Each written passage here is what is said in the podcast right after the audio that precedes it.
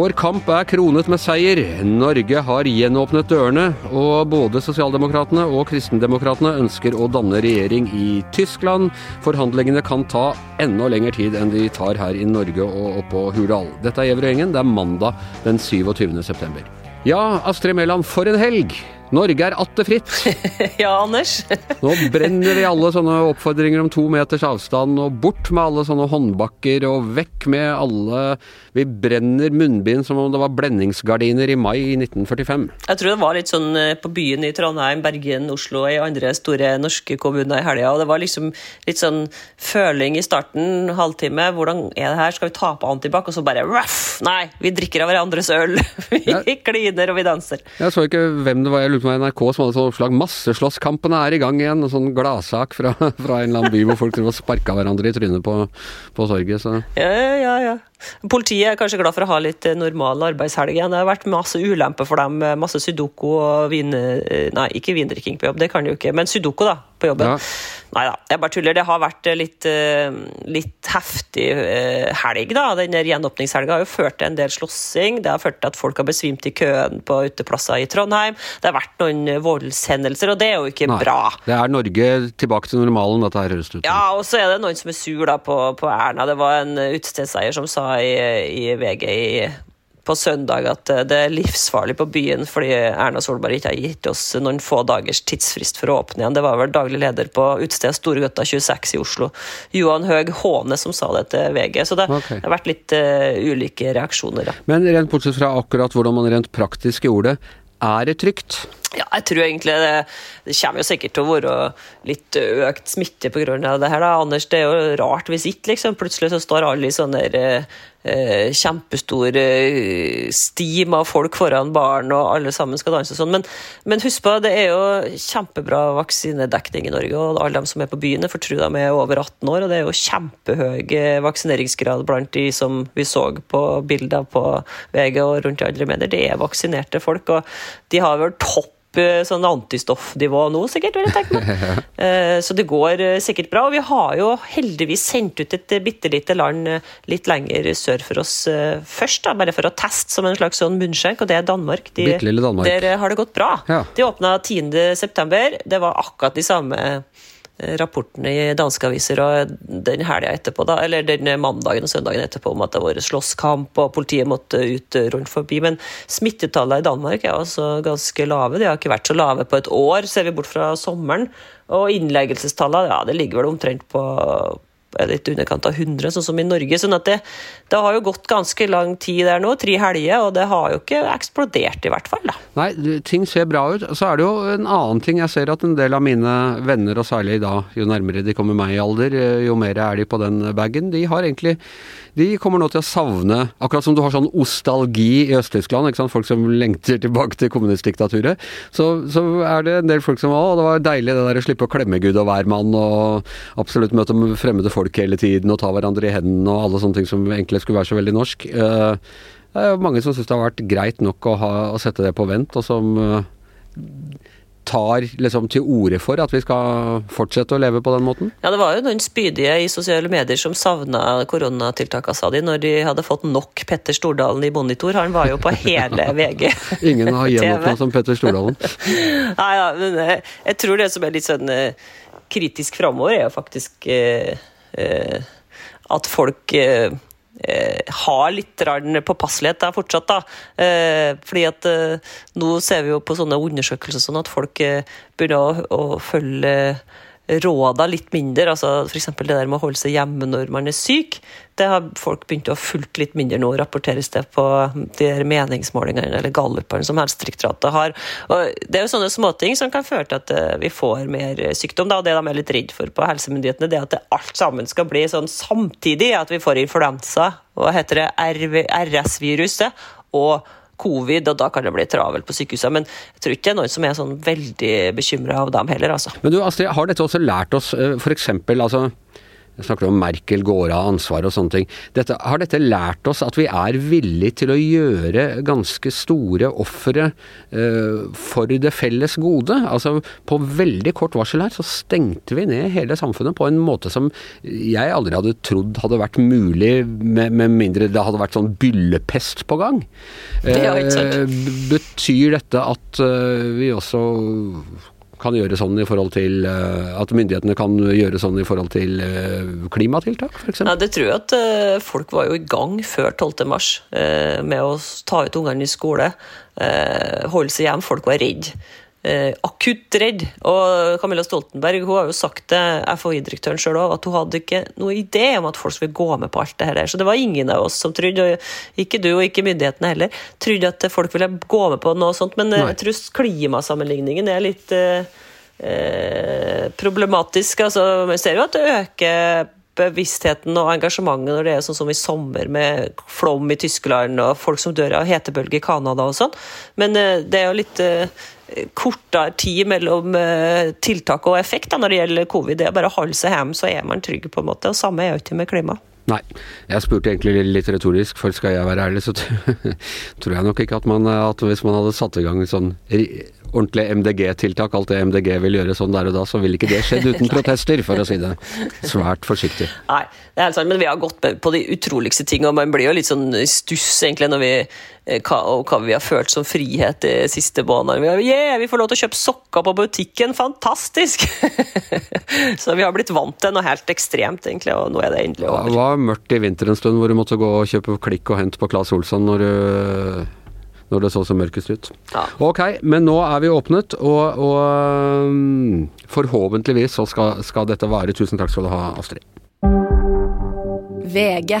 Men altså, uh, Tyskland, Per Olav Ødegaard, der, uh, der har uh, det var en eller annen som sa, så jeg i helgen om Angela Merkel, det mest uansvarlige hun noensinne har gjort i politikken, det er å, å trekke seg som kansler. Uh, og det ser ikke ut som det skal bli helt uh, enkelt for henne heller. Det var ikke et uh, Hun skal ikke bare gi septer, eller hva de kaller det i Tyskland, videre til nestemann nå? Nei, det gikk jo ikke helt som hun hadde vel ønsket seg. Det gikk ikke sånn i det hele tatt som hun hadde tenkt seg dette valget. Hun, hun må få lov til å trekke seg kanskje etter 16 år som kansler og nådd en vanlig pensjonsalder. Um, men hennes utvalgte kandidat til å etterfølge henne, Armin Laschet, som da nå var Kristeligdemokratenes kandidat. Han um, oppnådde det dårligste resultat som Kristeligdemokratene noensinne har fått i et valg i, siden 1949. sånn at det Eh, de er nede på et historisk bunnivå. Og Hvor mye er det i tysk sammenheng? Ja, De er nå nede på 24,1% De har gått tilbake 8,8% siden valget i 2017. Det er sånn, De er på størrelse med Arbeiderpartiet i Norge? Ja.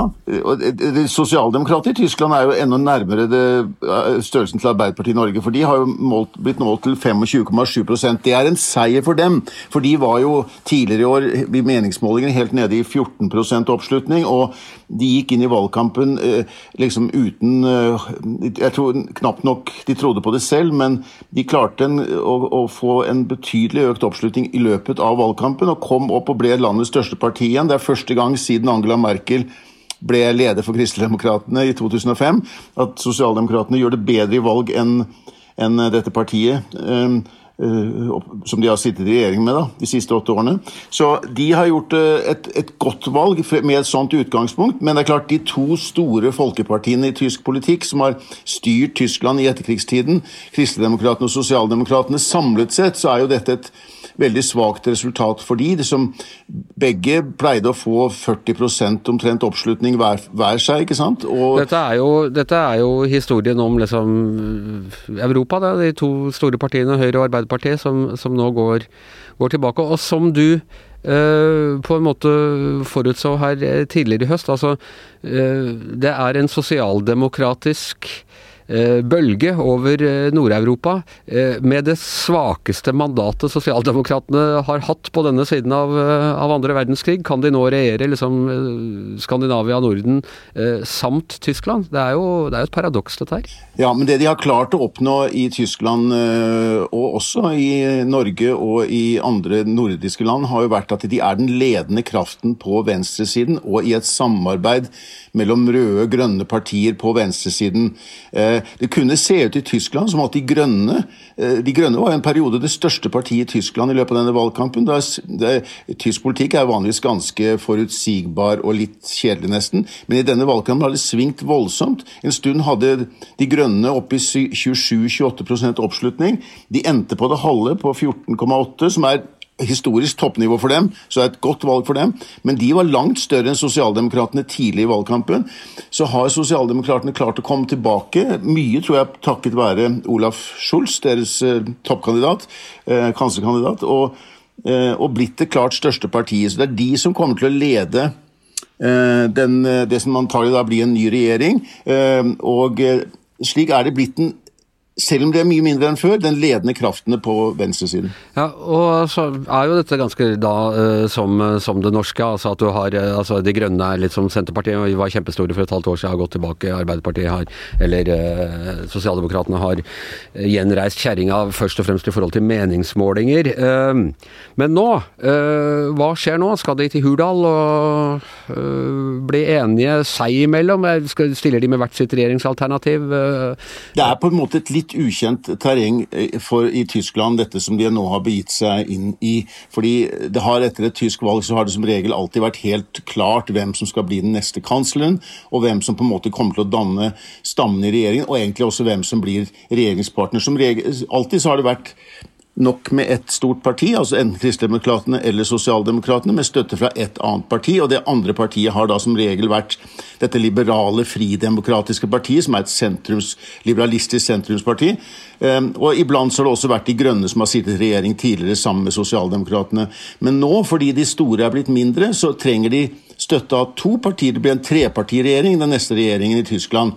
Ehm, da utelukker jeg at Sosialdemokratene og Kristendemokratene finner sammen i en ny storkoalisjon. De har sittet i en sånn i åtte år. Det er en matematisk mulighet for at de kan fortsette, for de har mer enn 50% men det, lite, det tror jeg ikke vil skje. Det er, alt tyder på at det, de må få med seg to partier i regjeringen, og det er to partier som har ganske mye intern uenighet seg imellom. De må snakke sammen for å finne ut uh, hvordan, uh, hvilke krav de skal stille til uh, sosialdemokratene i de forhandlingene som venter. Dette høres jo helt ut som, som Norge. Uh, Eh, vi må også høre åssen gikk det med våre uvenner i, i uh, Alternativ Fyr Deutschland? Ja, det er jo interessant. altså man kan snakke så mye om at nå det, så us, det blir så ustabilt i Tyskland, og det er på en måte så uklart hva som blir utfallet av dette her.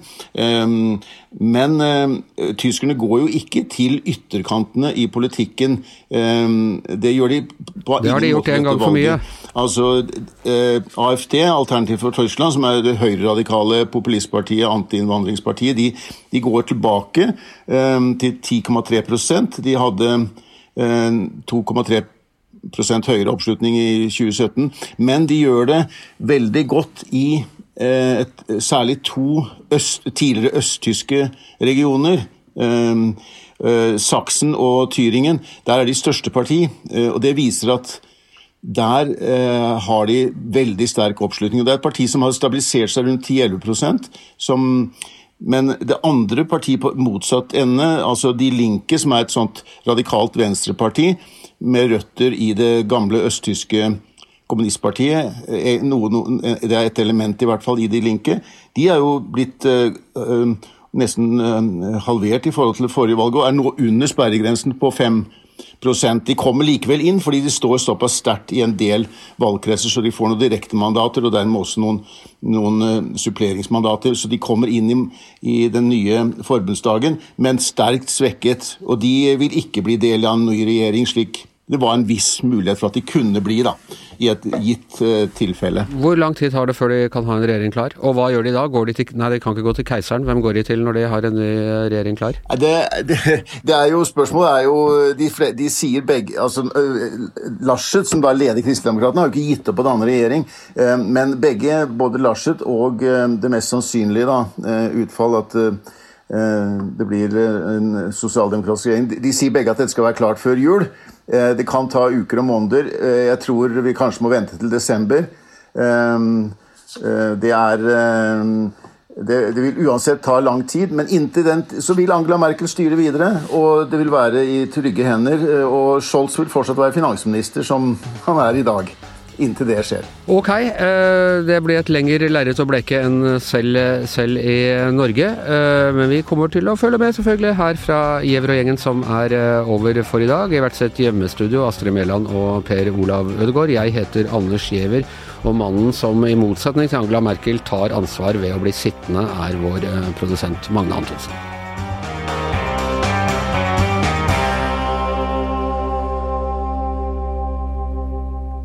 Du har hørt en podkast fra VG.